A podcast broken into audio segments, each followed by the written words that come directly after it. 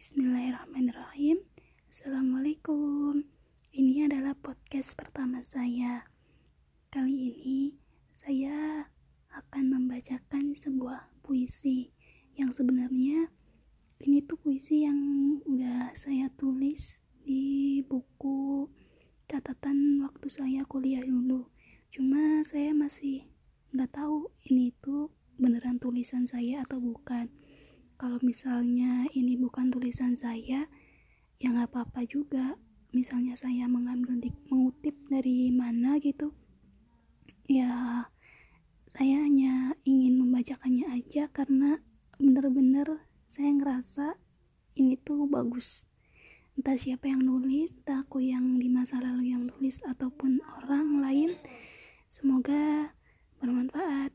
Tiba-tiba Aku menjadi rahasia di antara kata-kata yang kau ucapkan.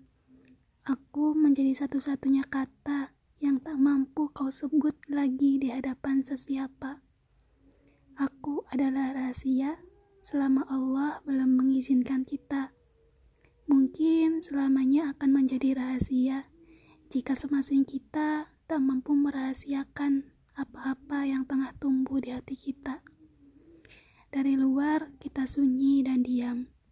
Dalam doa malam kita merenung panjang penuh harapan. Lalu, jika memang itu aku, aku akan menjadi malu ketika aku menjadi kata yang engkau ucapkan di hadapan dia. Aku menjadi malu ketika aku menjadi kata yang engkau minta kepada dia. Lalu, bagaimana aku tidak menjadi malu ketika aku masih menjadi hamba yang biasa-biasa saja, sementara engkau kian dekat kepadanya.